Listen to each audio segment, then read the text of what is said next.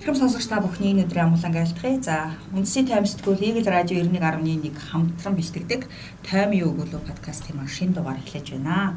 За, студид үндсийн тайм сэтгүүлийн ерөнхий хэрэглэгч Ган Гэрэл, нийтлэгч таймч Бацаахан Лавсар нар ажиллаж байна. За, өдрийн мэнд хүргэе хоёроо. Өдрийн мэнд. За, шинэ 7 хоногт шинэ дугаартаа бид уулзж байна. Тэгэхээр энэ дугаар бас энэ дэлхийн нийтийн анхаарлын төвд байгаа нэгэн сэдвт ярилцчихгүй бид бас анхаарлаа хандууллаа. Тэгэхээр гол нийтлэлийг маань бол манай нийтлэлч зохиолч сэтгүүлч дамжинж бичсэн. Гарчгаас ахуулаад нэлийн анхаарал татж байгаа юм сэдв байгаа. Яалтчгүй өнөөгийн гол дүр тий. Тий. Улсын улсын ерөнхийлөгч Владимир Путин. Яа энэ сэдвийг бид нараа сонгож авсан за Орос Украины асуудал бол тэгээд дэлхийн нийтийн анхаарлын төвд байна. Тэгээд яг яг үйл явдлын мэдээ мэдээлэл бол өдөр тутам хэвлэлүүдээр гараа явж байгаа болохоор зүгээр нэг гол дүрийг онцлоё гэд. Бас энэ гол дүрийг битсэн манай дамжин жив болохоор гол тоглогч гээд бас цуврал ноттой улс төр яг хөрөг нийтлэлээрээ бол нэлээд мэрэгсэн дагнаж бичдэг тийм нийтэлж байгаа. Тэгээ яг тэр агуулгаараа за гарчгнаас эхлээд бас анхаарал татж байгаа шийтсэн чөтгөр гэдэг гарчтай. Путиний тухай. Ер нь зүгээр яг уу ягаад Путинийг чөтгөр гэж үзээд байгаа бол ер нь дэлхийн нийтээр нэг хэсэг нь чөтгөр гэж үзээд чинь. Нөгөө хэсэг нь бурхан гэж тахиж үтж чинь. Тийм болохоор Путин бол өнөө цагт бурханч бас чөтгөрч гэдэг агуулгаараа л бичсэн байгаа. Тэгээд юун дээр бол а Путин гэж хэмбэ анх юу нь яагаад энэ хүнийг хэрхэн улс төрд орж иржээ. Замнал нь ямар байв? Бас ямар эр шийдэмгий шийдвэрүүд гаргаж байсан. Гэвчлэн Оросынхаа олигархуудтай яаж тэмцсэн, цаашлаад Чечений дайныг төгсгөлийг тий зургалж чадсан. Одоо энэ Путины гаргаж байгаа шийдвэр энэ юу бол ерөнхийдөө мэдээж улсынхаа эрх ашгийг хамгаалж байгаа шүү дээ. Яг барууны орнуудаа энэ зүгээс болохоор энийг нэг хүнтэй холбоод ерөөхдөө энэ хүнээс л болохгүй гэсэн. Энэ нөгөө дотоод нь нөгөө зөрчил үүсгэх зорилготой болов уу гэж хараад байгаа. Путин л ингэж байгаа. Тэрнээс Оросууд бол өөрсдөө өсөхгүй байгаа гэд нэг ганц нэг энэ тэнд болж байгаа жигсаалуудын маш өргөн хүрээнд мэдээлээд Гэхдээ өөрөө хүрээнд явагдаж байгаа нь бол би бол энэ дээр бол бацаахны эсрэг байсурт бол за яг улсын эрх ашиг байж болно. За тэр Донецк Луганскийн асуудал бол бас байж болно. Кремээс ахуулаад байгаа. Цаашлаад Киевийг, Харьковыг бөмбөгдөх ямар хэрэг байгаа. Тэгэхээр энэ шууд давсан ирэх ашиг. Тэгээ манайны чинь нөгөө нэг анх л Орос улбаны улс ерөнхийлөгч Ельцнийг залгамжлал гарч ирж байхдаа тэр хэлсэн 20 жилийн өмнө хэлсэн орч би зүйл холбоод улс задарсанд харамсаж явдаг гэх. Тэр зүйл холбоод улсыг эргэж босгох гэсэн тийм оролдлого гэж би бол шөмжлөлтэй хандж байгаа. Одоо хэдүүл болохоор нэг дайныг яг тийм нөө юу гэдэг утгаар нь энэ дайны яриад унлаа л та. Тэгээ энийг нь бол ингээд яг зөвдгөх нь буруутгах нь гэхлээрээ яг манай энэ дугаар дээр орсон дараагийн сэдвтэй холбоотой болчиход байгаа. Тэгэхээр энэ дээр бол Путин гэж хинбэ гэдгийг ер нь яаж улс төрд орсон өнөөдөр хэрхэн үнэлэгдэж байгаа хэрхэн бас буруу шаагдаж байгаа тэгээд бичлэгээ айгүй ур чадвар өндөртэйгээр бичсэн нийтлэлийг та бүхэн уншаарай. Тэгээ илүү ярихлаар ингээ манайхан нэг яг энэ Орос Украины асуудал дээр Хүмүүс ингээ хуваагдаа хоёр тал болж байгаа шиг болчих гээд байна.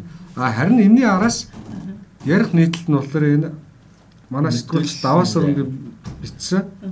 Мэдээллийн дайн ба мэдэхгүй гайр гэд нийтлэл байгаа. Яг өнөөдөр бол ингээ дэлхийн нийт дээр Орос Украины асуудал дээр хоёр талын мэдээ бид нар авч штэ. За Америк, Украин, за барууны хэвлэлүүд гээд. А нөгөө талаас Оросын хэвлэлүүд гээд тий. Яг нэг юмыг хоёр талаас нь хэрхэн тайлбарлаж болох тухай мэдээллийн да энэ яг тэнд нөө зэрэг байлж байгаа дайнасаа гадна ингээд мэдээллийн асар том дай өрнөж байгаа хөөх. Тэгэд асар олон хуурамч мэдээлэл явж байна. Дээрэс нь асар олон нэгнийхээ мэдээллийг үгүйсгэсэн мэдээллүүд явж байна.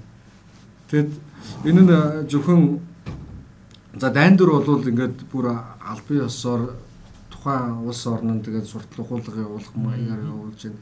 Гэтэл нөгөө талдаа бас зүгээр л дайн дээрч байтугай өвчин дээр ч гэсэн ийм мэдээллийн ийм буруу зүйлүүд яваад байна. Худал мэдээлүүд их явж байна. А энэ бол бүр яг мэдээллийн дайн болчихлоо шүү дээ. Одоо ингээд нэг үйл явдал ингээд болж байгаа тэнд зөндөө үйл явдал болж байгаа шүү дээ. Хэвлийнхний нэг юу нь бол асуудал нь болохоор одоо яг тэндээс өөрсдийнхөө одоо эрх ашиг тохирсны нэг суулж авч мэдээлдэг. Аа яг хэвлэлийнхний одоо улс орнууд нь тэгж л мэдээлүүлж байна л да. Тий, улс орнууд нь тэгж мэдээлүүлж байгаа байхгүй. Эх орныхоо эрх ашигын төлөөлөл мэдээлж шít. Тий. Тэгэхээр энэ нь бол одоо маш хэцүү байдалд оруулж байгаа. Бид нар ерөнхийдөө 3 дахь ертөнц гэж нэрлээд байдаг. Тэр улсуудын сайтаас аль алийг харьцуулж одоо манай хугацаах бол нийгэцгийн сайт бас үндэсний таймсдгүүдээс гадна нийгэцгийн сайтын гадаад мэдээний редактораар ажилладаг. Тэгээ бид хэд бол бас зөвлөлтүүд аль болох Оросын чих сурвалжийг те Оросын чих сурвалжийг харж байгаа, гадны их сурвалжийг харж байгаа. Тэгээ бүр гуравдагч те гуравдагч ертөнцийн одоо Арабын сувг шиг Марж Азирач гэдэг юм уу те а зарим Reuters-ийн мэдээнүүд бол бас нейтрал байгаа. Тэгээ тэдрийг бас аль болох балансыг харж байгаа. Гэхдээ бас хэцүү юмнууд тохиолдод байгаа. Дээрээс нь харьцуулах гэхээр нөгөө Оросын сайтууд бол бас блоклогдоод зарим тохиолдолд 5 өдрөл баасан гарагт жишээлбэл таас оогт орж ирэхгүй ч юм уу тийм Тэнгүүт BBC-г үзэх гэхээр Guardian-ыг ч юм уу CNN-ийн мэдээг үзэх гэхээр дандаа нөгөө талын үнцэг болчиход бас Тэсэндээ бас худал мэдээлэл төгөөд байгаа юм шүү. Тэгээд нэг ийм судалгаа хийсэн байлаа шүү дээ. Энэ мэдээлэл нэгтлаад байдаг нэг олон улсын байгууллага байдаг юм байна шүү дээ. Тэрний Монгол дахь салбарын ингээд судалгаа хийхэд 3 сарын хугацаанд судалгаа хийхэд 195 хуурамч мэдээг 1076 их сурвалж 125500 орчим удаа шеэрлээд тэрийг хамгийн багадаа 220 мянган хүн хүнд хүргэсэн байна гэж байгаа юм. Энэ бол зүгээр Монголд хийсэн 3 сарын судалгааны үр дүн шүү дээ. Гэхдээ энэ Монголд хийсэн энэ 3 сарын судалгаанд Монголд 3 сарын хугацаанд 195 худлаа мэдээ гарсан гэсэн үг ш. Тэндээс өөр гарсан 195 таван яг нэгтэлж болох мэдээлэл дээр ингээд тэр байгууллага ингээд судалгаа хийгээд нэгтлаад үзэхэд 220 мянган хүнд хүрч ийн гэж боддоо. Энэ 195 мэдээ тэгэл энэ интернетийн сошиал орчинд нөгөө нэг бас нэг үйл ажиллагаа явуулаад пэйж мэж ингэж хөгжүүлж маш олон пэйжийг зэрэг хөгжүүлж мөгжүүлдэг нэг юм хэсэг бүлэг ажлын байр байна гэж байгаа шүү дээ. За тэр нөхдүүд болохоор пэйжээ хөгжүүлэх одоо нэг алтан боломж гэдэг юмыг болохоор энэ нэг дэлхийн нийтийг одоо анхаарлыг татсан нэг үйл явдал модал гарч ирэнгүүтэл тэн дээр л одоо хүмүүсийн аль болохоор анхаарлыг татахын тулд нэг мэдээллийг нэгтлэхгүйгээр те зарим нь даалбарч байдаг гэж магадгүй. Ингэж явдаг нэг хэсэг нь одоо энэ Украины юун дээр л харагдаж энэ ер нь бол бас эрчимцний шалтгаан бол бас цаг тахал бааш тий. Цаг тахлын эхний үед чинь бид нар чинь тодорхойгүй мэдээлэл маш их шүү дээ яванда вирусыг нилээсээ судлаад бүгдээрээ вирус судлаач ийвч болоод ирэнгүүт ойлгосон ш. Тэрээс хамгийн анх чи хиттэд ууханд чи бараг л вирус авсан хүн нь ухаалдаж өнөөл амнаас нь цагаан хөлс сахраал ингээд байна гэдэг мэдээлэл бүгдээрээ өгсөн ш. Тэ. Гэхдээ бүр явцтай хүртэл юу яасан бэлээ ш. Тэ манай даас өрөмцөнс нэр судалгааны дүн энэ дотор нь яг нарийн тоог би одоо яг сайн санахгүй. Юу яагаад нүг витамины илүүдэл хордлогонд орсон, нас барсан, буруу юм тариа хэрэгэлсэн нөгөө нэг. Хуурамч мэдээлэл аваад одоо манайхан санаж гин үү? Гандангийн өрөл, гандангийн өрөл идэх юм бол өвдөхгүй нэ. Одоо бүр за Монголын өдөртмийн бас тухайд урдаа өрдөг байсан сонин хүртэл монголчууд яагаад коронавирус тусахгүй байгаа шалтгааныг эрдэмтэд судалж ийн энэ төр гэдэл бас л их өөр. Ер нь өөрсөн. Тэрний илүүд лидер бол үнэн шүү дээ. Одоо бүгдээрээ нөгөө нэг ДЦ хэрэглүүл сайн гэд С ихтэйд ходоод нь өвдөж байгаа. Д ихтэйд бөөр нь өвдөж байгаа тохиолдол би дэгээ хөвтөлөд бөөр өвцсөн. Гэх мэтчлэн. За мэдээллийн ерөнхийдөө авж байгаа мэдээлэлтэй шүүлтүүртэй хандъя, хариуцлагатай хандъя. Тэ аль аль талаас нь бас уншиж судалжээ гэдэг санаа энэ дээр байгаа. За дараагийн сэдв манай бацаах өөрөө бичсэн тий. Өр сэтгэгцэн эмгэг хоёр чинь нэг зоосны хоёр талаг гэж байгаа одоо үр тавиал яваад байна гэдэг чи одоо бас эмгэгт орж байгаа юм. Энэ ч бүр дээр үед л би нэг харж байсан юм л та би ч нөгөө нэг гадаад мэдээ яадаг болохоор энэ ч тийш хийсэн сайтуудаар. Тэгэд энэ тэгсэн чи энэ үр сэтгцэн эмгэг хоёр ерөөсөө хоорондоо аяга холбоотой. Сэтгцэн эмгэгтэй болохоор хүн эмгэгч байх одоо тий. Нэг асуудалтай болоод ирэхээр л өрөнд орох эхлэн ингээд тавигдчихэдэг. Нэгсэндээ үр үүсчээдэг. А үр үүссний дараа бол улам сэтгцэн өндөр. Улам сэтгцэн өндөр. За эрүүл хүн бол өрөнд орохоор сэтгцэн бас асуудалтай болох магадлал нэмэгддэг. Ингээд нэг нэгнээ үүсгэж бий болгодог юм юмнууд юм байна. Бодтол явах нь шүү дээ. Тийм ер нь одоо санхүүгийн зохицуулна гэдэг маань яг ажил хийхтэй адилхан нэг тийм ажил юм байна л да. Хүнээс айгүй тийм эрүүл сарвал одоо чадвар шаарддаг тий. Тэгэл одоо нийгэмд янз бүрийн байгаа асуудлаас болол жоохон асуудалтай болол ирэхээр л ерөнхийдөө санхүүгийн хөтлөх чадвар нь муудаад ирдэг.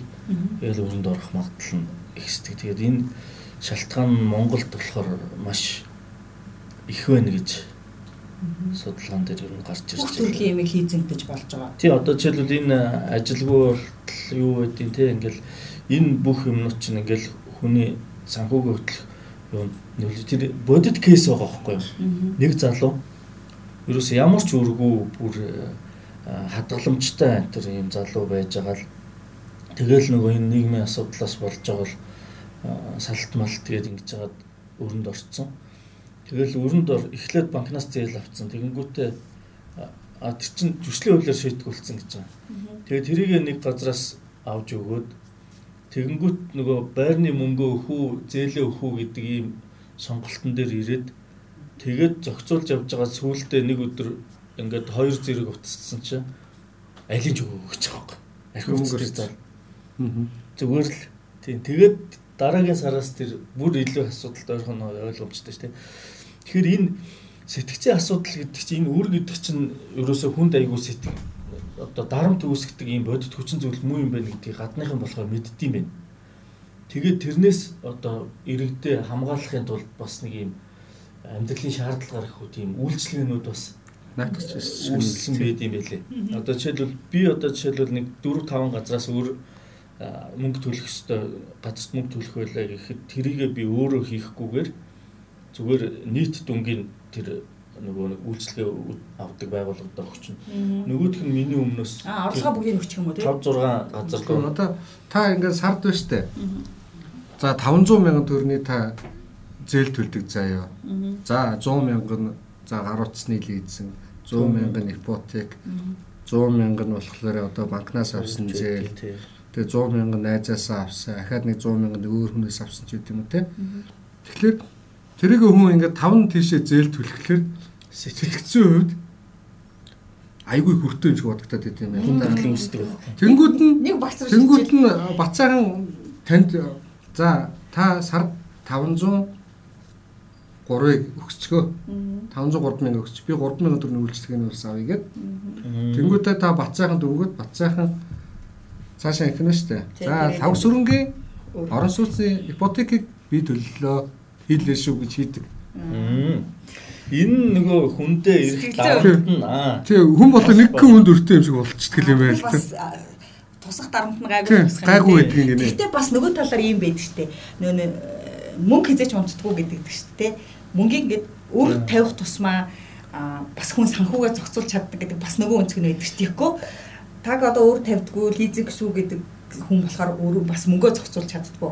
Өвдөө байх тусмаа лизингтэй байх тусмаа санхүүгийн сахилга гал өндөр болоод илүү зохицуулт сайтай мөнгө хизэж унтдаггүй гэдэг бас тийм гаргалаа. Бас нөгөө нь л. Хөв хүмүүс хүртэл ингээл жишээлбэл нэг өөрөө дотроо бас нэг зохицуулт хийх гэж үздэг штэ олон газраас зээлтэй болж байгаа та. За боли одоо арай нэг баг хүүтэй газраас нэг том зээл аваад эдрийг одоо ингээд дараад ингэж эн чинь одоо тэр хүн өөрөө мэдрээд штэ өөр гэдэгт нь надад ингээд дарамтлаад байна гэдгийг тэр мөнгөн дүнний хувьд бол биш юм шиг энэ шал тусдаа ойлголт байхгүй. Тэгэхээр манад бас тэр үйлчлэгээнүүд нь гарч ирвэл бас зүгээр л юм бэ гэж бодож харж байна. Тэгээ одоо янз бүрийн бас хэрэггүй юм их лизингддэг үйлчлэгээнүүд одоо нөгөө Одоо март болохоор одоо ярьж болох юм бол одоо март болох ч нөө яар яар хүүхдүүдэд зариулаад годива шоколад лизинг дээрээ гэдэг шүү дээ. 600 эдэн мянган төгрөгийн шоколад лизингдэгч байд юм уу те. Тэр хэрэгцээгүй лизингийн үйлчилгээнүүд бас айгүй багц гаргадаг те. Тэрэнд айгүй реклам маркетингд айгүй автдаг зүйлүүд би. За аялын лизинг би олон мэд одоо цүнхнээс хавуулаад байр сууцтэй машин тэрэг бүх юмыг хийцэгдэж болно. За энэс энэ дээр харин ягаад дараагийн дараагийн сэдвээр орчих. Цагаагийн сэдвээр орчих. Тэгэхээр манай залуу сэтгүүлч Лосын андар энийг бас нэг өөр өнцгөр хэлсэн байгаа. Өөрөөр хэлбэл тэр олон зүйлийг лизингтэй зүйлд боловсролыг оруулж өгөө гэсэн байгаа тий. Энэ бол маш таалагдж байгаа. Яг систем нь манай барууны улс Америк нэлээд олон улсуудыг судалсан юм шиг үлээ. Тэгээд манад болохоор яг тэр сургалтын лизинг гэдэг юм маань байдгүй. Маш ховор одоо байхгүй те сургалтын дөрийн сан гэж нэг юм л байгаа шүү дээ. Тийм. Тэрнээс өөр юм байхгүй байгаа. А гадаад болохоор бүх төрлийн сургалтууд нь лизингтэй. Тэгээд богино хэмжээний хилийн сургалт байсан ч лизингтэй байж болно шүү дээ. Тийм. Манад бол одоо жишээ нь ингээл ороход өөдөөс ингэдэг шүү дээ. Болно болно. Хуугаад өгж болно. Хидж хуугаад өгж болно. Гэхдээ төгсгтөө мөнгө өгчөд төгсөх хэрэгтэй гэдэг. Гадныхан болохоор төгсөөд ажилд ороод тэгээд иргэн төлөлтөө хий гэдэг нэг нөхцөл нь амар сонь сонь хөлбөр байдаг юм бэлээ. Одоо ингээл Тэр Америкт байдаг тэр юу гэдэл нэг сургалтын төг гэдэг байгаа байхгүй. Төгсөөд ажилд орохгүй бол тэр мэрэгчлэрээ ингээ ажилд гологдох юм бол танаас сургалтын төлбөр авахгүй гэж. Тэр бол сургалтандаа баталгаа гаргаж өгч ш чамд. Тий, тий. Чи юурээд төгсчөөд тэр мэрэгчлэр ажиллаад ажилд гологдоод чамайг ажилд авахгүй бол манайх сургалтын төлбөр авч чадахгүй. Авахгүй. А харин чи авах юм бол тэдэн жилийн хугацаанд 2 жил 2 жилийн хугацаанд ч байдаг юм уу? За нэг шууд хуваагаад төл гэдэг нэг хувилбар байдаг юм байна. Эсвэл чи цалингийнхаа тэдэн мянган жилийн орлого чинь тэдэн мянгаас дээш бол тэдэн хувь. Тэдэн мянгаас доош бол тэдэн хувь. Гэгчлээ ингээд хуваад юм. Тэр яг үзүүлэхгүй шүү дээ. Дарамт үзүүлэхгүй нэгдүгээр дарамт үзүүлэхгүйгээс гадна нөгөө талаа сургалтандаа амар баталгаа гаргаад жишээ нь чи 40 мянган доллароос дээш бол 15% төлчих гэдэг юм уу те. Тэр хүн бол яг ингээд бодоход за 3 сарын курс суучаад 2 жил сар болгон цалингийнхаа 15% төлнө гэхлээр бас айгүй өндөр төлбөртэй юм шиг. А тэгэхэд нөгөө өндөө бол ямар ч мэдлэг мэдээлэлгүй байхад нь тэр мэрэгчлэр авч сургаад үнгүү сургаад ажилд нь зуучлж оруулж өгөөд хэрвээ ажил тэнцэхгүй бол мөнгө авахгүй гэхээр тэр асар том ихтгэл өгч дээ нөгөө бол Энэ гэхдээ их сонирхолтой сэдв байлаа. За энэ сэдвтэр шууд залгуулаад энэ хонгорогийн сэдвийг бас ярьчих те. Сэтгүүлч хонгорцуул сургалтын дээр дөрүүлж байгаа шүү дээ. Багш биш багш нарыг яах вэ гэдэг. Өөрөөр хэлбэл саяхан өнгөрсөн 7 хоногт чинь тэр боловсрал боловсрал шинжилх ухааны яам гэдэг. Улстай боловсрал шинжилх ухааны яамнаас нөгөө багшийн ёс зүйн жил гэж 2022 оныг зарлаж байгаа юм байна л да. Одоо энэ дээр тэгсэн чинь ингэсэн шүү дээ. Яг салбарын яамнаас нь багшийн ёс зүйн жил зарлаад хамгийн ёс зүйтэй хүмүүс бол одоо багш нар байх хэрэгтэй гэдэг агуулга ярьсан чинь одоо Орос Украины ахаад ихний сэдв рүү бас орц. Орос Украины одоо ингээ сөргөлдөө мөглөдөө дайм болж штэ. Тэгсэн чинь дахин уул амьд Орос цэргүүдийг магтан дуулсан уралдааныг ерөнхий боловсролын хувь хөвсгөлийн бүх сургуульд нь тийм уралдаан зарлж байгаа. Нөгөө нэг гидээ ёс зүй Ер нь бол тэр өдөр нь айгүй чухал өдөр байсан. Тэгээ манай сайд уучлахгүйсэн байх шүү дээ тийм. Сайд бол ингэж болохгүй л гэсэн байлээ. Ингэж болохгүй уучлах ганц жишээ. Ер нь бол олон жишээ тэр сүлд намар нөгөө нэг найз залуу хаан гарт амиа амиа алдсан охин байсан шүү дээ. Тэгэхэд тэр яг тэр охины хэрэг бол тусдаа тэр сургуульд богссон үйл явдлын талаар тэр сургуулийн захирал хичээлийн эрхлэгч нарын хандлагын талаар маш олон шүүмжил гарч ирсэн. Тэгэхэд бас тэр сумын сургуульд асуудал яригдчихсэн. Өөрөөр хэлбэл яа гэхээр сумынхаа сургуулийнхаа нэр хүндийг авч үлдэхийн тулд зарим жоохон таархан судлахтай хүмүүсийг яг шүхийг хоригддаг тий. Одоо юу гэдэг бацаахан лавга чи чи манай сургуулийн онооноос доош нь татах учраас чамаар яэш өгүүлэхгүй. Чи яэшд бүтгүүлж яадгийг гэдэг хандлага нийтлэг одоо орон нутгийн хотын сургуулиуд ч гардаг. Энэ бол байж боломжгүй зүйл байхгүй тий. Тэр хүүхэд 2 сарын хугацаанд сайн давтаад яэшээ мундаг сайн ууж болно шүү дээ. Тий, бас сайн хуулчих болно шүү. Сайн хуулчих болно шүү дээ. Тэр хүн болгон тэр босоо оноондоо хүрээд явах боломжийг хязгаарладаг бас ганц нэг жишээ өөр тогтохгүй. За тэгээд багш нар сургууль дээрээ аригтаар суусан гэсэн зүйл байдаг. За энэ бас хинтийн бор өндөрт бас нийгмийн ухааны багш энд зодуусны улмаас илгэнд бяцарсан хүүхд байгаа юм байлээ тий. За нэг манай цэцэрлэгийн багш нар чинь хоорондоо хүүхд зодж байгаад баригдаад. баригдаад. Аа тэрийг залсан хүний бас зодж байгаа бас баригдаад. Ер нь энэ багш нарын энэ загинтыг юу чи намайг сурагч байх хүртэл ингээл байсан шүү дээ Тэр тэр үеийнхээ замууд л жоохон болоо хийдэг байсан юм. Нөгөө хүүхдүүдийг сурдлага нь арай юу болохоор юу очдөг. Улиран гэж айгүй их дарамталдаг. Тэгээд зарим нь ингээд шууд хөтлж аваад шууд хажуутлын доод анги руу оруулаад өгчдөг энэ төр. Тийм байсан шүү. Аргаал бардаг байсан байна. Тэгвэл энэ дэр бүр би одоо яг өөртөө тохиолдсон одоо жишээ одоо хэлэх гээд байна л та. Энэ болохоор шүү те. Ерөөсөө тэр багш нарын ёс зүй гэдэг зүйлийг үнэхээр ярихаас өөр аргагүй нэг юм байна. Энэ заах хөдөлмөрийн үнэлэн янз бүрийн юм болохоос болоод мөнгөний төлөөч гэдэг юм тийм асуудал бол сургуулиуд дээр асар их байна. Энийг би одоо ингээл жишээ нь манай хүүгийн одоо хуучин сургуультай одоо шилжүүлсэн тэгээд нэг 2 3 нөхцөл байдлаас болоод би яг үнэхээр аргагүй юм байна. Ангийнхаа хүмүүс ингээ хоёр баачна. Сайн муугаа хоёр баачна. Манай хүү муу л байсан л да. Тэгсэн чинь танаа чинь муу учраас ингээд манай ингээд тал хөгт муу хөгт давтлага өгнөө. Хичээлээс гадуур тэтэнд өрг нэг эцэг ихтэй. Үн чи эцэг их нь бол тэгээ хүүхдийн төлөө ингээд за за нэг цагийн 2000 4 3000 5000 ч байсан үг шүү дээ. За За тэгэхээр нөгөө талд нөгөө сайн хүмүүс нь бол ингээд за эцэг эхчүүдэд зовоохгүй гэж бодно шүү дээ. Тэгсэн чинь сайн хүмүүсийн сонгол яг адилхан 5000 төгрөг. Тэгэл ангийнхаа бүх хүмүүсийг тэгээд хичээл дараад нөгөө өдөө сайн муугаар нь ялгаж байгаа ч юм байхгүй нэг доор нь суулгаал яг заадаг юмаа заагаал тэгэл бүгднгээс нь одоо тэгээд тэдний ангич байгаа сургуульд нь эрэлттэй сургууль байсан баг ангид нь 70 хүүхд байсан шүү Нэг хүүхдээс өдөр 5000 төгрөг нэг цаг за 2 цаг илүү ороод авлаа гэдэг ангийнхнаасаа шүү дээ. Анги даасан багш нь тэгэл тэгэл өдөр 70-ыг одоо 5000-аар үзсэн. Манай бас нэг найз өөрөө нөгөө баг ангийн багш. Тэгэл ёс зүйн яг хуу амьдралын шаардлагаар л байх л та. Гэхдээ тэгэл адаглаа зүгээр яг хуу талын үнэхэр муу гэд нөгөө өдрөө ингээд татаж авчрах гад мөнгө төгрөг цаг заваа зарж байгаа юм чинь болж байгаа. Тэнгүүт нь үнэхээр нөгөө хичээлээ мэрийгээ хийдэг одоо эцэг их нь илүү анхаарал тавьдаг за магадгүй тэгээд онц сурж байгаа хүүхдийг заавал тамаа сонгонгээр заавал аваад бас мөнгө авч байгаа хандлага одоо жишээлбэл би манай охин бас тийм байхгүй юу олимпиад бэлдэн нөгөө сайнууд Тэгэл сайнуудыг бэлчээр гэдэг ойлголт өгч байгаа. Манай эдний сайн. За заавал тийм ойлголт өгч байгаа. Тэгээ ойлголт өгөөд бэлдүүлж байгаа. Тэнгүүтээ олимпиадад байнга орж байгаа. А тэнгүүт би болохоор нөгөө нэг э, өөрийнхөө юуг л ингээл хэлнэ штэ охиндоо тийм За миний ах энэ юу чинь олимпиад чинь тэмцээнтэй адилхан. Сайн бэлтэж жагаад яг аавна гэсэн юм дээр формтой юм дээр ингээ ордог юм аа гэд. А тэгэхээр нөгөө ээжийнх нь үзэл бодол болохоор орж л байвал сайн ерөөсөө юм болгонд л орж явах хэрэгтэй. Тэгжээж л эн чинь сайжирна. Одоо нөгөө тэмцээн болгонд л орж яасан гэдэг юм төрүүлэхнээс оролцсон ч гол яваад нь шүү дээ.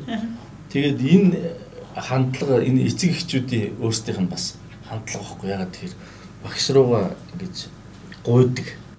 Нэг хүн гуйлаа гэхэд зөндөө хүн гуйсан гээл нөгөө багш бол шууд бүгдийг хамруулчих тийм. Тэгээ энэ дээр чи бас нэг юм хэлье. За манай манай нэг үеэл одоо математик олимпиад зохион байгуулдаг. Тэр хүн бол хэлдэг. Багшийн цалин яаж амьдрах вэ? Олимпиад зохион байгуулдаг мөнгөөрөө бас амьдрдэн штэ гэж хэлдэж шүү. Тэгэхээр олимпиад болгонд оролцоод хүүхдийг бас шахаад гадна олимпиад нэг хідэн дүүрэг авчихсан. Одоо нэрийн нэг амтны нэр мөртэй олимпиад кенгуру. Аюу нэрийн. Кенгуру. За дараагийн сэдвүүрийг ороо яг улс төрийн сэдвээр оръё. Манай шилэг төгөр бичсэн хаадын хүсэл биелээ харин бусдны яв гэд Монгол ардын хувьсгалт нам тий Монгол ардын нам туурах тусгаарлаад нэлээд олон жил болоод яг нодлон жилийн үдээд эх орончдын өдрөөр нэгдсэн хамт цэцэг өргөөд тий угаасаа нэг өгшөлтэй нам инглээ гэдгсэн. За энэ хугацаанд Монгол ардын хувьсгалт намаас одоо намбрын их хоёрын хүү Батшуугар юу болсон бах те их хурлын гишүүн болсон баг. Тэгээ Монгол ардын намын удирдах зөвлөлд Монгол ардын хувьсгалт намаас 8 хүн орсон. За энэ усуд бол одоо ингээд төсөл бийсэн баха бас.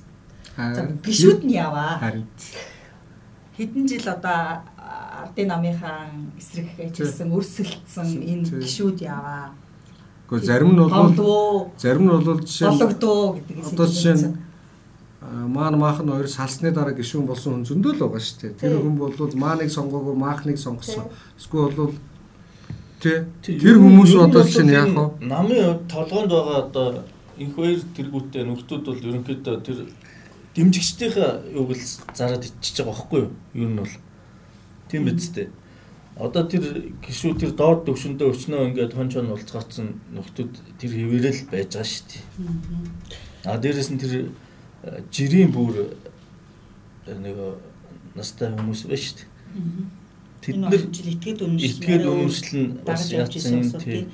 За энэ талаар бас тэр үлдээлж тэр энэ хоёр намын тэр юун дээр ч юм бол тэр маань махан хоёр хуваагдсны дараа за маань ч ингээд ийм болсон шүү энэ maaхан чинь буруу нам, хуурамч нам гэдэг асуудлыг бол Монгол ардын намаас маш их тавьсан шүү. Гэтэл өөдөөс нь баталгаа гаргачаал үгүй ээ. Би хөвсгөлт намын гişүн гэдэл. Одоо тэгээ энэ түүх иргэдэг гэсэн нэг юм сонин. Нөгөө хуучин чинь юу яаж ирсэн шүү дээ. Maaхан чинь байгуулах гээд тэгээд энэ нөхдүүд чинь Maaхан гэдэг товчлолтой бүх нэрнүүдийг ингээд өөр дээр би одоо миний мэдхээр амар баясгалан гэдэг одоо ерөнхий нарийн бичгийн дарга дээр 30 хэдэн нэр оюун эрдэн дээр 30 хэдэн нэр. Тэгээ тэр нь ингээд одоо Монголын ямар хувьсгалт намчлаа ингээд бүх хуулиур боломжит хуулиуруудыг гэж жигсаагаад нэрүүдийг жигсаагаад ингээд авсан чухал болсон. Тэгээд дээд шүүхтэр нэрийн одоо аваад өгч тэр үед тухайн үеийн ерөнхийлөгчийн нөлөө орсон байх гэж би бодож байгаа нөгөө хуваах гэж шүү дээ. Ингээд сансандаа хүрсэн. А одоо болохоор эсэргээрээ ардсан намыг ингээд ямар байдалд оруулсан бэл ингээд нэг тийм нэг өс сонзон ч гэдэг юм уу юу хүчдэг нэг юм эднэр ингэжсэн чи яа гэдэг дижавогийн маягийн юм болоод байгаа байхгүй тэр нөгөө хомргол чалдаг гэдэг юу чинь бас яг тийм ихлэлтэй шүү дээ бүр ихний. Халахгүй яа тийм бидрийг яалаа. Лааж уушсан тий. Юус яг ийм юм ингээд одоо болт салахгүй юм. Эндээс яаж салах вэ? Тэгэл лааж өшгөлнө гээд тэгээ сүултээ өшгөлөх лаазгүй болсон шүү Хүмүүс лааза өөрсдөө тушаагаад өөрсдөө тушаад тушаадаг. За дараагийн сэдвт энэ тооны хэлээр тойм маань бас Монголын эмэгтэйчүүдийн нөхцөл байдлыг бас дурджээ. За Монгол улсын нийт хүн амын 3 сая 357542 нь эмэгтэйчүүд гэсэн үг. Монгол улсын хүн ам 3 сая 357 540 эндээс эмэгтэй сая 700 сая 700 8563 гурван эмэгтэйчүүд за эмэгтэйчүүдийн дундад наслалтанд 76 байд юм байна тий. За насны бүлгээр аваад үзэхэд тэгээс 24 насны эмэгтэйчүүд хамгийн нийлэх юм байна шүү дээ. 747 байна. За гэх мэт ер нь март тогтаад ер нь Монголын эмэгтэйчүүд ер нь хідүүлээ бэ? Боловсрол нь ямар юм бэ? Хаана ажиллаж байгаа юм бэ? Дунджаар хэдэн хүүхд төрүүлдэг ч гэдэг юм уу те. Ер нь эмэгтэйчүүдтэй холбоотой тоо баримтыг статистик статистик мэдээлэл байна. Оруулсаа. За За дараагийн сэдв энэ манай сэтгүүлч Давас суран үтсэн байсан. А энэ Эрдэнэ чимгийн урлагийн юм болон энэ Лондоны театрт амьдсан 1769 оны э, юу юм бэ? Жүжиг юм бэ? Чингис хаан гэдэг нэртэй эмгэнэлт жүжиг 1760 69 он 69 он тавьж исэн. Энэ энэ тэгэхээр явж исэн нөө Персил сураад энтгэгт барьж байгаа байлж байгаад Персил сурсан тэр цэрэг юм бэлээ. Тэгээд өөрөө бас нэг зохиолч оролддог тий. Оролддог гэсэн чинь мундаг олон жүжигтэй тий. Тэгээд энэ нөхөр монголчуудын түүхийг тэр перс хэл дээрээс нэлээх хүнссэн юм шиг тухай тий. Тэгээд Чингис хааны тухай. Нөгөө Чингис хааны тухай биш. Чингис гэдэг нэртэй жүжиг тэгсэн мөртлөө энэ бас яг гардаг юм шиг. Чингис хааны тухай баг гардаг юм шиг байлээ л тий. За ер нь тэгээ сонирхолтой ном бол Чингис гарсан байлээ. Бол дэлхийн үзэгдэл гэдгийг л харуулж байгаа юм тийм үү? Саруул Эрдэнэ доктор орчуулсан юм шиг байлээ тийм номын. Энэ бас Америкийн конгрессийн ховор номыг нөө ямар номыг баг орж тэнд нь байдаг ном момыг тэгээд самсургуу олж ирээд орчуулсан юм шиг байлээ. Тэр бол бас чухал их сурулж байна. За дараагийн сэдвийн дараагийн тахал эмээр бохирдсон гол мөрөн гэдэг сэдвийг би үзсэн юм аа. Тэгэхээр саяхан Британий Йоркийн их сургуулийн их Британи Йоркийн их сургуулийн эрдэмтэд судалгаа хийсэн. Дэлхийн 100 гаруй улсын гол мөрний одоо 100 гаруй улсын 258 гол мөрнөөс 1000 гаруй цэгээс дээж авсан. Тэгэхэд 61 төрлийн эми идэвхтэй бодис илэрсэн. Одоо цэнгийн уснаас гэсэн үг шүү дээ бидний голын уснаас гэсэн үг. Тэгээ эдрийг хамгийн хичээн дарж байгаа эм нь бол хамгийн нэгдүгürt юу байгаа юм? Парацетам бол дараагийн ээлжинд чихрийн шижин таталтын эсрэг юмнууд маш их хэмжээгээр илэрч байгаа. Тэгэхээр энэ чинь нөгөө голын ус нэг өөрийгөө цэвэрлдэг гэдэг чинь худлаа шүү дээ. Ямар нэгэн байдлаар агуулмж байгаад байгаа маа. Тэгэхээр энэ бол дараагийн цар тахалт төрөхөд ойрхон байна гэдгийг эмч мэрэгчлэнүүд анхааруулж байгаа. Яагаад тахалт гэхээр голын уснаас одоо маш олон төрлийн хүн өөрөө ундаалж гэн, амтан ургамал услага явагдаж байна. Тэгэхээр эмэн дэсвэртэй ням бактериуд үрчнээ энэ голын усанд. А эмэн дэсвэртэй ням бактериуд үрчнэ гэдэг чинь тэр бактериар үүсгэгдсэн өвчнийг хүн эмээр дарж чадахгүй эмээр дарж чадхаа болно л гэсэн үг. Эмийн хүчин чадал хүчрхээ байна л гэсэн үг. Ийм сэдвийг хүнцээ. Одоо сүүлийн хэдэн жил явж байгаад яг сая дөнгөж саяхан яг шинжлэх ухааны сэтгүүлт хэвлэгдээд яг бодлогоцсон хамгийн сүүлийн судалгаа. Олон олон юу байлаа л да. Яагаад голын ус эмээр бохирдтыг гэхээр хамгийн нэгдүгээр шалтгаан бол аль ч улсын цэвэрлэх байгууламж одоо бүр хамгийн өндөр түвшний хай түвшний цэвэрлэх байгууламж гэсэн эмийн бохирдлыг бүрэн угааж цэвэрлж чаддгүй юм байна. Хоёрдугаар шалтгаан нь нөгөө нэг эмийн хаягдлаа шууд усанд урсгадаг. Үйлдвэрүүдийн юу хүчин чадал цэвэрлэгийн хүчин чадал муу байна. Тэгэхээр эмийг бол ерөөсөө эмийн бохирдлыг яах биш усан дуусгах биштэй аль болох ландфилийн аргаар даардаг, шатаадаг, булдаг ийм арга нь баг булдгийн ч тийм болж таарсан баг тийм. Энэ дээр бас нэг энэ материалд ороогүй л дээ. Гэхдээ манай сайтар баг бацаах орчуулсан ирсэн баг. Мега орчуулж ялаа юуны Сөүл хотын нөгөө нэг шөнийн дүүрэг гэж байдаг шүү дээ. Хамгийн хитавомч байдаг юм уу? Нөгөө хамгийн их нөгөө шөнийн амьдрал буцалдаг дүүргийн уснаас цэвэрлэх байгууламжийн нөгөө цэвэрлдэг уснаас Viagra юм маш их өндөр хэмжээтэй тунгаар илэрсэн гэдэг. Нууцч. Мега байсан юм шиг. Очиж исэн баг те. Тийм бас сонирхолтой мэдээлэл байдаг юм билээ. За тэгэхээр эмийн бохирдол бас дараагийн шалтгаан болох нэ гэдэг. Гэтэ бас одоо тэгэл наач ингээд ийм усуугаад тахлаар чи хүн эдгээд байхгүй их эдгээд эргэж байхгүй бүр эмэнд таслуулчихсан. Эмэнд тасна. Тэгээд тэр өвчнийг туслаа гэж бодоход хард Ч амар те одоо тэгээд парацетамол нэг нэмэргүй болсны шалтгаан энэ юм биш үү те. Парацетамол ч нэг эмчилгээнд яхаа байцсан шүү дээ. А тэгээд анти ургамалд бол маш их хэмжээгээр нөлөөлж шүү дээ. Өөрөөр хэлбэл тэр жирэмснээс хамгаалах эмний үлдэгдэлтэй Бид нар системээр нуух уу да. Аагийн цац. Загас бол одоо жишээлбэл өргүүддэг ч гэдэг юм уу, тэгээ хоёр хүүстэн болдог ч гэдэг юм уу. Тиймэрхүү тохиолдлууд олон байлээ. За дараагийнх нь хаягдлыг худалцаар байх уу гэдэг даваасрын мэсэд байсан баха тий. Комиссийн бараа. За комиссийн барааны тухай урд нь бас бид нар биччихсэн.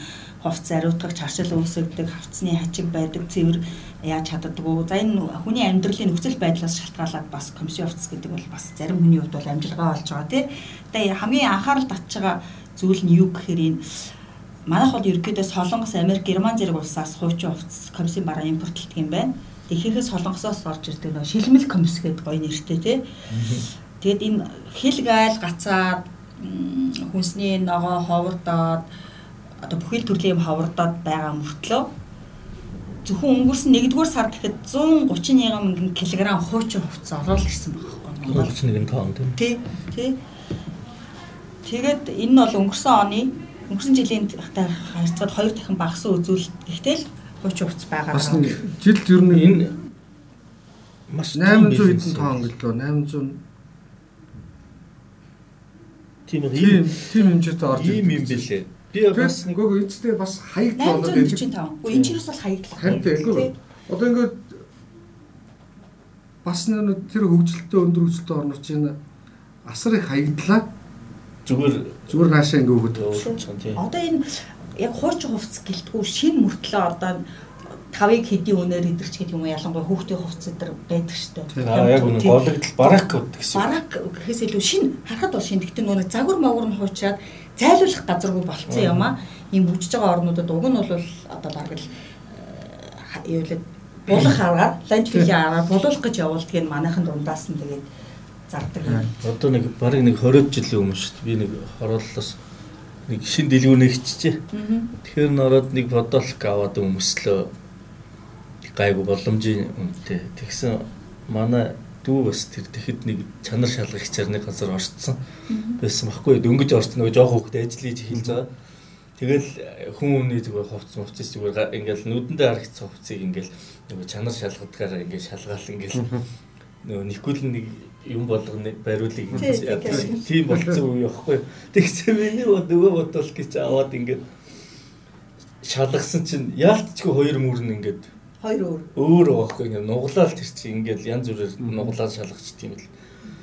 Тэгээд тэгсэн чи яг тийм одоо нөгөө шинэ мөртлөөсөө нэг чанарын стандарт бус тий. Тий чанар шалгагч нь ингээд нөгөө ялгаа шидэд идэг хувцснууд чинь л жоохон юмдах нь наашаа ороод ирдээ юм шиг. Уг нь бол булагдах хэвээр хаягдах хэвээр зөвлөд чинь шин. За энэ мэдчлэн манай өмсөй тамирчдгүүлээ 510 дахь дугаарт багтсан онцлог нийтлүүдээс танилцуулахад юм байна. За уламжлал ёсороо бид 7 хоногийн онцлог гэрэл зургууд, 7 хоногийн онцлог ишлэлүүдийг бас багтаасан байгаа. Ингээд эрэх даваа гарагт 511 дахь дугаарын тойм подкаст ярилцлагаар дахин уулзтлаа. Түр баяртай. Аа